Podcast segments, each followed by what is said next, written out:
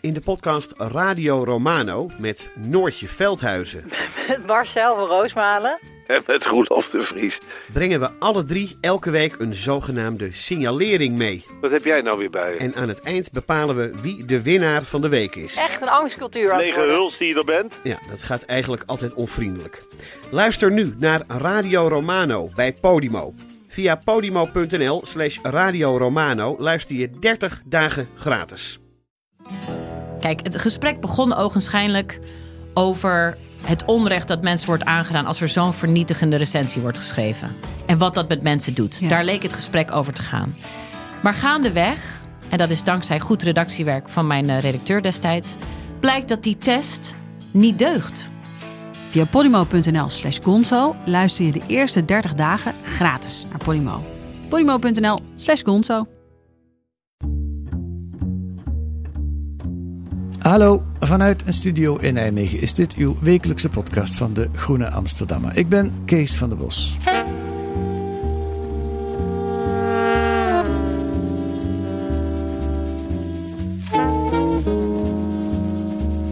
Het wordt een hele praktische podcast vandaag. We gaan duurzaam verbouwen.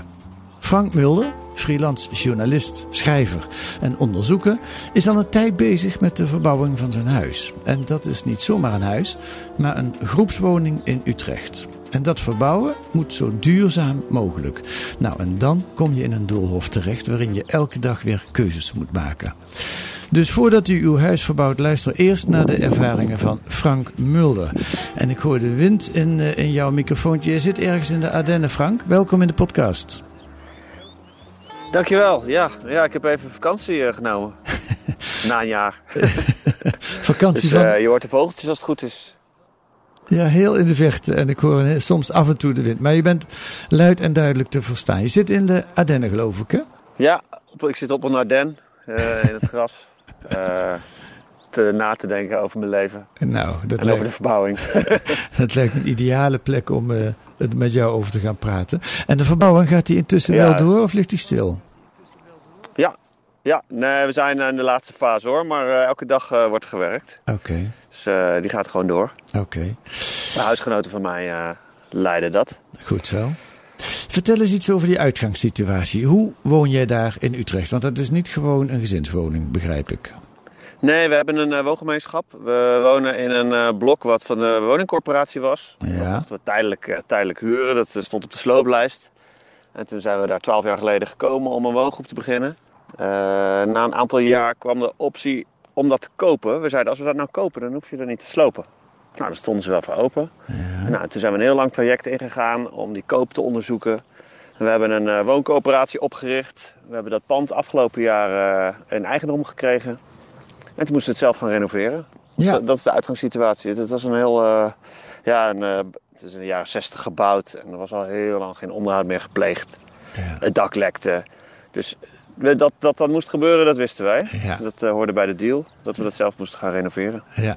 En Maar voor ons was dat een kans. ja. Kans om te blijven. Ja, en, die, en ik zag een foto. Het is een twee verdiepingen appartement, als ik het goed gezien heb op de foto. Ja, het is een winkelstrip heet dat. Dus eh, vier winkels, vier bovenwoningen. Oké. En, eh, in een van die winkels hebben wij een eh, kringloopwinkel gemaakt. En één winkel is onze gezamenlijke ruimte met een grote gemeenschapskeuken, zeg maar. En dan hebben we twee winkels die we aan het ombouwen zijn tot woning. Aha. En wie is Dus het was vroeger, ja, zo'n ouderwets kruidenier, eh, groenteboer, slager. Dat zat vroeger allemaal daar in zo'n winkelblokje. Ja. Maar te- tegenwoordig stond het, al, het stond allemaal leeg. Ja, ja. En wie is wij? Beschrijf je woongroep eens. Ja, we zijn eh, eh, een, eh, een groep mensen met verschillende achtergronden. Een multiculturele groep zijn we. Drie gezinnen, drie eh, alleenstaande en een aantal gastenkamers waar vaak vluchtelingen in wonen. Of mensen die in een scheiding liggen en er even uit moeten. En we vinden elkaar in ons geloof. Het is een christelijke groep. Dus we, we, we proberen. Ja, ons doel is eigenlijk om te proberen in zo'n in zo'n wijk waar best veel anonimiteit is, om daar hoe zeg je dat, ja, familie te zijn, om, om eh, gemeenschappelijk leven proberen vorm te geven. Hm. Door bijvoorbeeld af en toe samen te eten, eh, een, een winkel te runnen. Hm. Eh, nou, we hebben, nemen ook tijd voor vieringen, omdat we spiritualiteit belangrijk vinden. Maar we doen ook dingen samen met, eh, Eh, onze Marokkaanse buren bijvoorbeeld en de bewonerscommissie. Zo proberen we dus ja, niet heel wel omschreven doel, maar we vinden elkaar wel in die, in, in die waarden, zeg maar. Oké. En met het af en toe samen... iedereen heeft zijn eigen appartement. Ja, ja, dat vroeg ik me net uit. Dus jij woont met je vrouw en je... Hoeveel kinderen hebben jullie? Ik heb vier kinderen. Vier Vier kinderen. kleine kinderen en die, eh, wij hebben één appartement. En eh, wij eten in principe met elkaar eh, als gezin, maar minstens één keer per week eet je met, met iedereen. Ja, ja, En soms vaker. Er zijn veel feestjes. Ja. En je bent dus een groep in de zin van je moet gezamenlijk beslissingen nemen over allerlei zaken. Jullie beheren samen dat, die vier woningen en die vier winkels, nou, winkelruimtes. Ja, dat klopt. Ja, en dat was, eh, vroeger was het allemaal niet zo ingewikkeld, want dan eh, huurde je dat gewoon van de woningcorporatie. En eh, je hoefde er ook niet voor te zorgen, want het viel toch uit elkaar. en nu eh, is het ineens ons eigendom, het eigendom Ja. van de vereniging. En nu moet je Ja. ervoor zorgen. Dus eh, dat is wel eh, ineens weer een omschakeling, ja. Ja, ja, ja, dat is ook een, een, een, een, een zware verantwoordelijkheid die je op je genomen hebt. Al was het maar een financiële verantwoordelijkheid. Want je bent ineens, je hebt er flinke leningen aan moeten afsluiten, neem ik aan. Ja, zeker, ja. ja. En dat doe je als Ja, groep. we hebben dit gefinancierd, want een bank geeft geen leningen aan een, eh, zomaar aan een, eh, aan een groep. Nee. Eh, vroeger misschien wel, maar banken in Nederland die, die sokken daar heel erg voor terug. En we hebben dus eh, een soort crowdleningen moeten, moeten fixen. Dus we hebben vrienden gevraagd om allemaal voor tien jaar lang 1000 euro te lenen. Hebben heel veel mensen hebben dat gedaan. We hebben twee ton opgehaald. mhm. En toen kwam er een, eh, een kerk die zei, nou, wij willen ook wel wat lenen. En toen kwam de gemeente Utrecht, die wilde wat lenen. En toen hebben we nog een bank in Duitsland gevonden. En die heeft eh, de andere helft geleend. Dus het is een soort taartje, taart geworden van anderhalf miljoen ongeveer. Ja, Dat hebben we bij elkaar geleend. ja. Ja, bijzonder. Hey, en, en je, je zei net even, by the way, we hebben ook een soort een kringloopwinkel. Wat moet ik me daarbij voorstellen? Niet elke woongroep Ja. heeft een, een kringloopwinkel. Dat is een heel bedrijf. Hoe, hoe gaat dat? Ja, nee, het was, het was echt een, eh, een eh, opvulling van een legere winkelruimte. Dus het begon met dat mijn vrouw het idee had van, nou, het staat leeg, laten we het gebruiken. En we, we zorgen dat iedereen zijn zijn spullen daar neer mag zetten en je mag het ook gratis weer meenemen. Dus het was een weggeefwinkel. Oké. En dat eh, liep zo goed. Het werd een heel vrijwilligersproject. En mensen kwamen er ook om eh, werkervaring op te doen. Of om eens Nederlands te leren en mee te helpen. Dus dat werd echt eigenlijk heel erg leuk. Maar eh, het trok ook wel... het, het haalt niet altijd het beste in mensen naar boven als dingen gratis zijn. Dus er werd bijvoorbeeld veel gestolen. Dat zal, kan je niet voorstellen in een, in een. Iedereen mag vijf spullen meenemen. En mensen die stouwden stiekem hun zakken vol met eh, broodroosters en dingen die er glimmend uitzagen. En dan zag je al aan het gezicht van dit zijn gewoon hoorders uit de stad, die komen hierop af. En Die zetten een huis vol met oude elektronica die ze nooit gebruiken.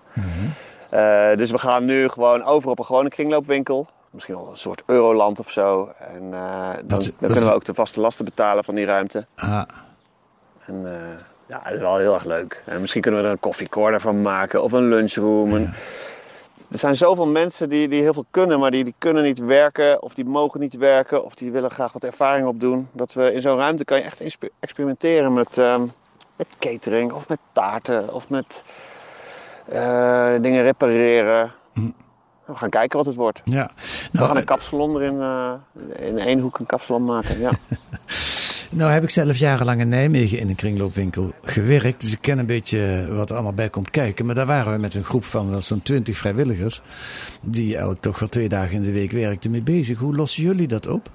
Ja, we kijken wat we kunnen. Eh, Dus eh, we hebben geen. eh, het leuke als je zelf eigenaar bent, is dat je alles zelf mag verzinnen. Dus we, we proberen heel erg om niet eh, onze.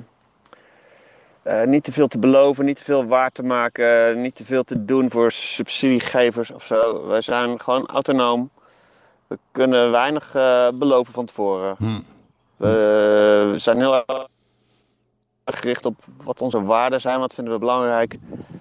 En wat kunnen we, zoeken we dan mensen bij. En wat we niet kunnen, doen we niet. Het is hoe Dus vaak... we hopen dat dat een, wel een soort duurzaam... Dat is ook duurzaamheid trouwens. Dat je, dat je dus een soort... ehm, ja. Ja, ik vroeg me af, hoe vaak in de week zijn jullie open, bijvoorbeeld? Tot nog toe was het drie keer in de week. Dus dat was echt een vrijwilligersproject. Maar nu moeten we ook vaste lasten betalen. Dus ehm, we hebben besloten dat in ieder geval de kappershoek... We gaan een kappershoek daar eh, neerzetten. Die, die, gaat, ehm, eh, die gaat in principe elke dag open. Ja, En, ja, eh, de rest gaan we zien. ja, ja. Maar we hebben veel vrijwilligers die mee willen doen. hey, nou even iets over jou en jouw Nee, het, is, het zijn dus veel verantwoordelijkheden. Zo'n Ja. gebouw ook. Ja, Ja. Ik wil nog even iets meer over jou en jouw inspiratiebronnen. Want dit is, je, je praat er heel gewoon over, maar het is eigenlijk best wel bijzonder wat, je, wat jullie daar doen. Ik las op jouw site dat eh, Jacques Ellul, de Franse socioloog, eh, marxist, een protestant, dat een inspiratiebron voor je is. Ehm, want waarom, waarom leef je zo? Eh, ja, om dat even op, op, bij Elul te houden. Dat, ik, wat ik in- inspirerend vind, is dat hij dus grote analyses maakt over, ehm, kritische analyses over economie, techniek. En hoe die maatschappelijke krachten zag ontstaan die, eh, nou, die mensen uit elkaar drijven. Eh, volgens mij zei je marxist, dat is een beetje een groot woord. Hij was wel geïnspireerd door Marx.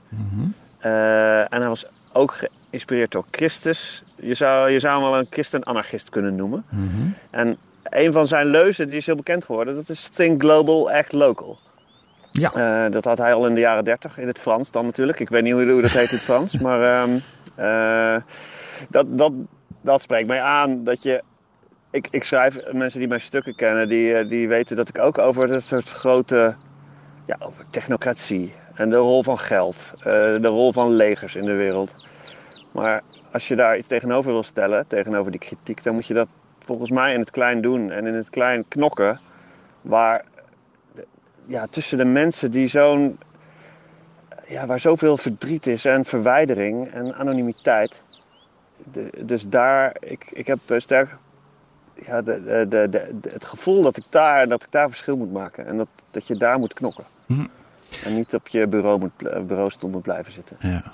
En dat maakt dat je eh, kiest voor Dus deze. dat is zeg maar. Dus, als in de Groene Amsterdammer kan ik, eh, kan ik eh, structuren doordenken en beschrijven. Eh, maar vervolgens moet ik wel, ook over economie, maar vervolgens moeten we in onze winkel eh, het gewoon werken om, om te kijken of je rond kan komen met die mooie ideeën en die mooie idealen. En ik, ik, kan, ik heb wel stukken geschreven over de verduurzaming van woningen. Mhm. Maar je zal zelf met, met het hout in je hand moeten staan om te, om te begrijpen waarom iets wel of niet gaat, gaat werken. Ja, ja. Ja, nou laten we het daar eens over hebben, over, over, over die verbouwing. Ehm, eh, dat, dat doe je dus met een groep. Ehm, eh, wie is de baas? Eh, we zijn als vereniging de baas, maar ik ben wel echt de, de trekker. De, ik heb het plan bedacht en ontwikkeld. Met onze groep en met adviseurs erbij hebben we dat verder uitgewerkt. Eh, maar op dit moment is de, de dagelijkse leiding eh, is, eh, ligt bij een huisgenoot bijvoorbeeld van mij, een Iraanse huisgenoot die, die timmerman is. Hm. En ehm, eh, ik, ik doe mee en ik, ik, ik, ik praat met architecten, financiers, aannemer. Een aannemer speelt ook een rol daarin. Dus een heel groot deel is gewoon door een aannemer gedaan. Eh, een, een aannemer die veel nadenkt over duurzaamheid en probeert duurzame oplossingen te verzinnen. En eh, een deel van de verbouwing doen we zelf. Ja. Met eh, vrijwilligers, huisgenoten, mensen uit het AZC. Er zijn veel mensen, eh, kennen veel, veel vluchtelingen die, die willen graag werken, dingen doen. Nederlands leren, vak leren. En ja, die betalen een vrijwilligersvergoeding. En ze komen elke dag, een, een, groepje. Dus dat, het is echt een heel, heel bijzonder project. We hebben dat van tevoren ook niet zo uitgedacht. We, dat, het overkomt ons een beetje. We- dit soort dingen kan je niet overzien. Je weet niet wat het is om een verbouwing van, eh van 8 ton te doen. Dus dat, dat, dat, zoveel kost het ongeveer. Mhm. Je, je, je rolt daarin en je denkt, nou ja, we zien wel. Beetje zoals Pippi Langkous, hè. Ik heb, ik heb het nooit gedaan, dus ik denk dat het wel lukt. Maar dat, dat, ja nou, dat is ook omdat we veel vrienden hebben, mensen om ons heen. Ja. Die, eh, die helpen daarbij en eh, die, eh, die vullen onze tekortkomingen op. ja. nou, je beschrijft daar mooi over in, in het artikel.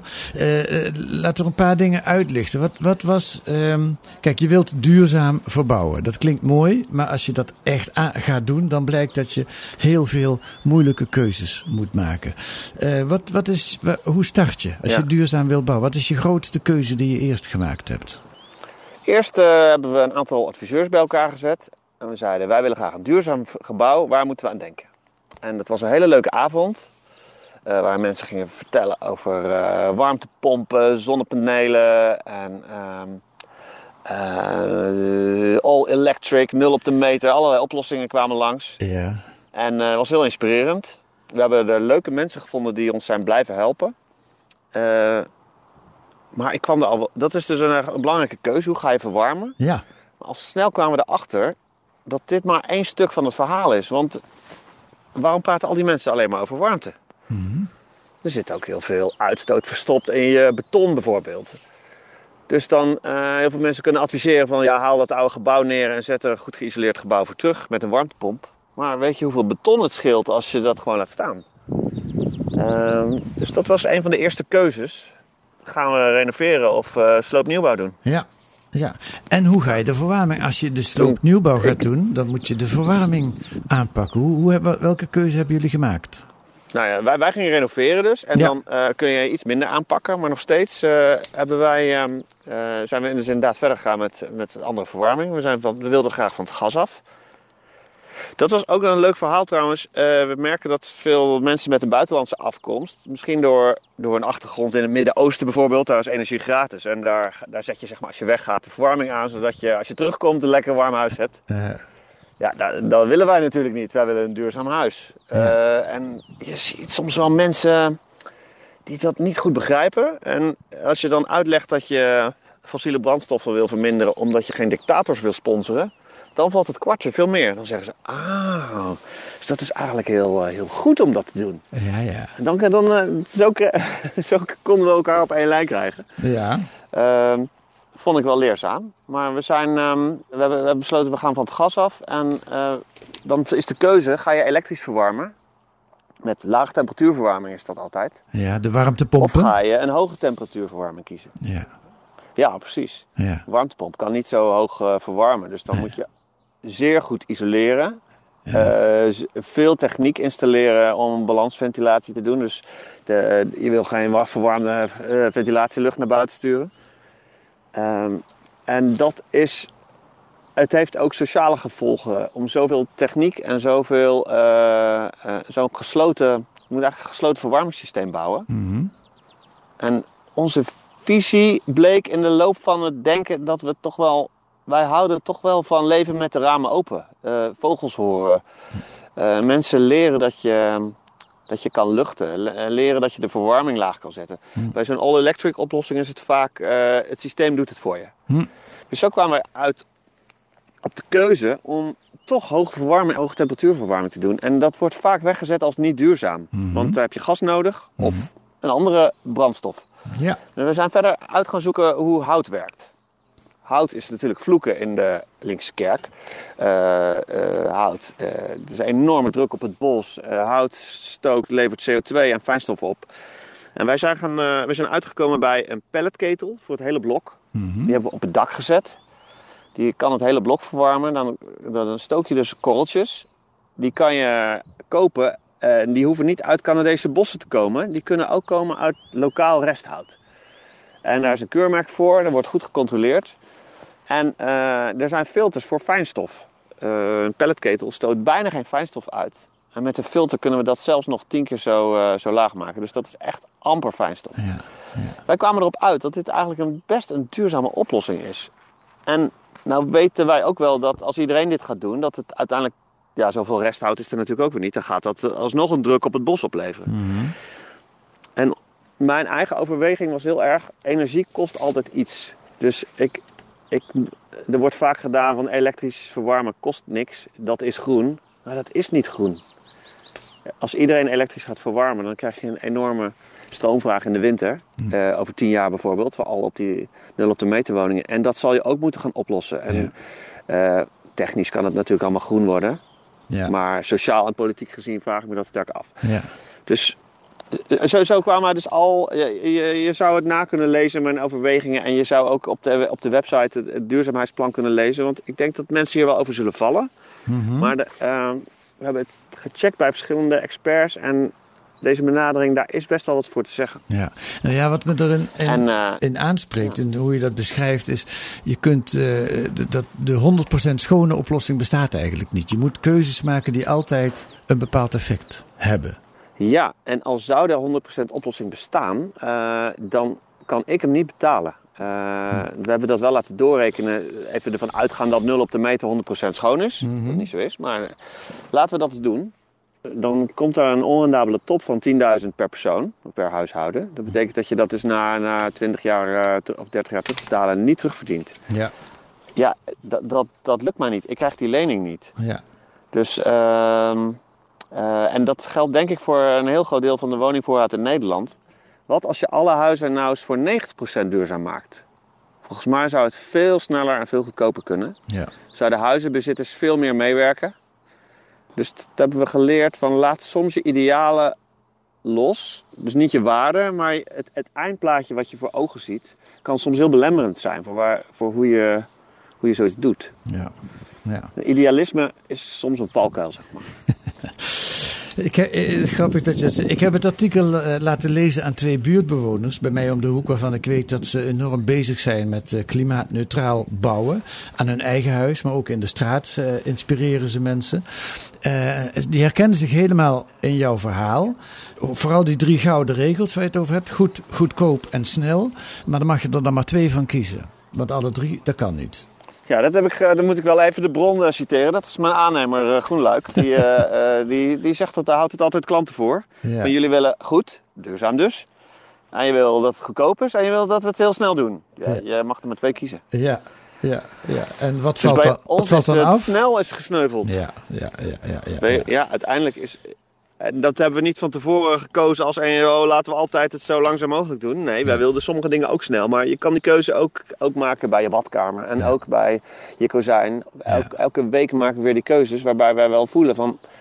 Als we dit goed willen doen en duurzaam willen doen... en we willen het kunnen betalen... dan, zal- dan zullen we dat voor een deel zelf moeten doen.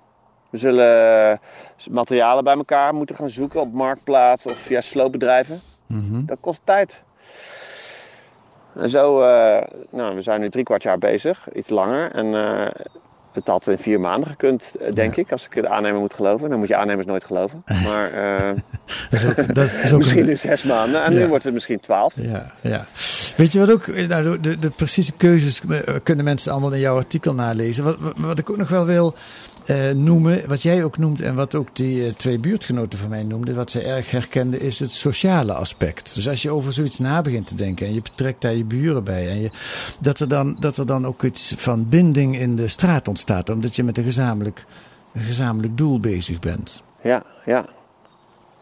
Ja, dat zien wij ook heel erg gebeuren. Ja, we, ja, we wonen in een, in een, een multiculturele wijk met veel mensen om ons heen die heel veel kunnen. Ja. Die komen uit landen waar je altijd zelf je huis bouwt. Ja, En dat, dat eh, mensen komen dus enorm veel mensen kijken om te zien eh, wat je gebruikt, wat voor hout je op je gevel eh, schroeft, ja, wat voor boompjes je eromheen plant. En dat is dus nog los van al die medewerkers en vrijwilligers die, ja. ja. die samen zo'n zo'n gebouw neerzetten. Hey, als je nu erop terugkijkt, hè, het is bijna klaar. Wat vond je het moeilijkste? Wat is de moeilijkste beslissing geweest? Ja, ik, ik vond beslissingen niet altijd moeilijk. Ik vind het, het is moeilijk om een soort halve aannemer te zijn. Dat is echt, eh, dat is niet mijn vak. Dus eh, veel keuzes tegelijk maken over dingen waar je geen verstand van hebt.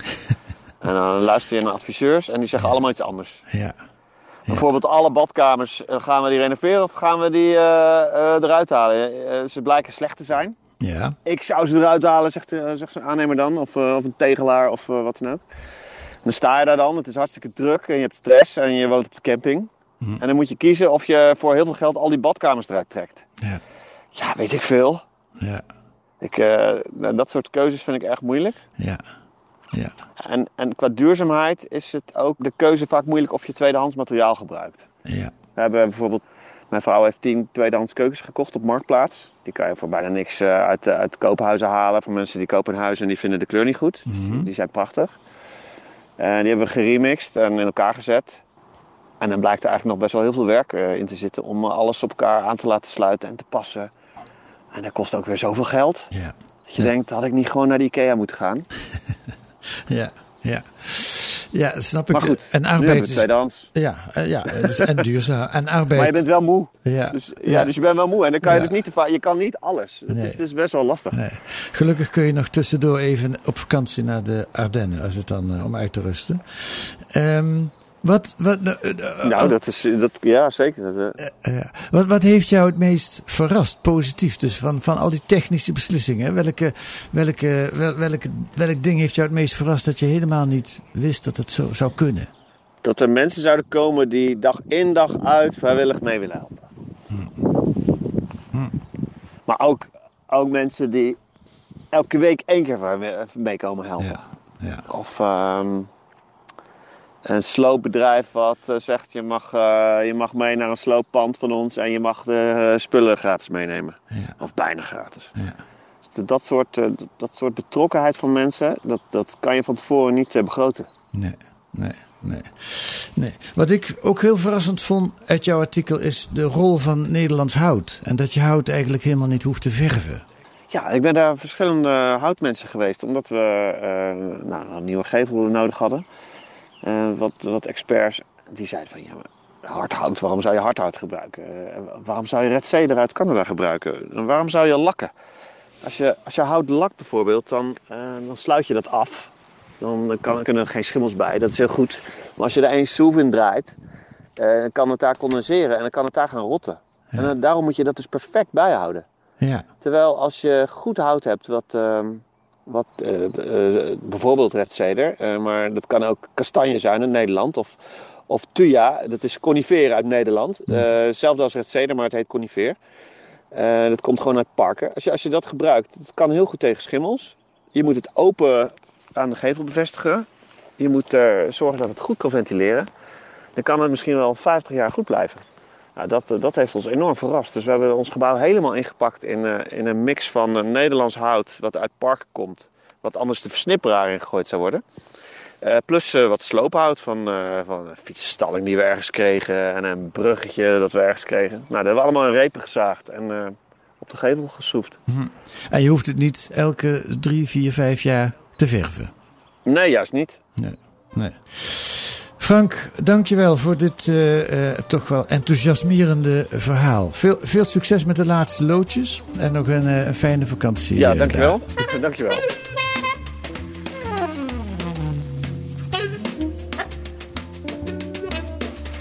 Dat is dus allemaal te lezen deze week in de Groene Amsterdammer. En verder in deze Groene een essay van Joost de Vries over de reputatiejacht in de media. Soms lijkt het dat journalisten iemands reputatie eerst opbouwen, alleen om die later weer af te kunnen breken. De Vries analyseert de affaire Jan Six, de kunsthandelaar die twee schilderijen van Rembrandt ontdekte en nu wordt beschuldigd van oplichting. En een interview met de nationale ombudsman, Reinier van Zutphen, in de serie Advies aan de formateur. Het gaat onder meer over regelfetischisme. Als je ambtenaar, ombudsman, kamerlid of minister bent, dan moet je durven zeggen: ik verdom het. Het kan honderd keer de wet zijn, maar ik doe het gewoon niet. Dat zegt Reinier van Zutphen. Dat kunt u lezen met een abonnement of een proefabonnement. Ga dan naar groene.nl, daar wordt u dat allemaal uitgelegd. U kunt reageren op deze podcast. Ons adres is podcast.groene.nl. En geef ons alsjeblieft veel sterren in uw podcast-app. Volgende week zijn we er weer met analyses en achtergronden bij het nieuws in deze podcast van de Groene Amsterdammer. Die deze week werd gemaakt door Samira Atai en Kees van der Bos. En de muziek is de Tune for N van Paul van Kemenade.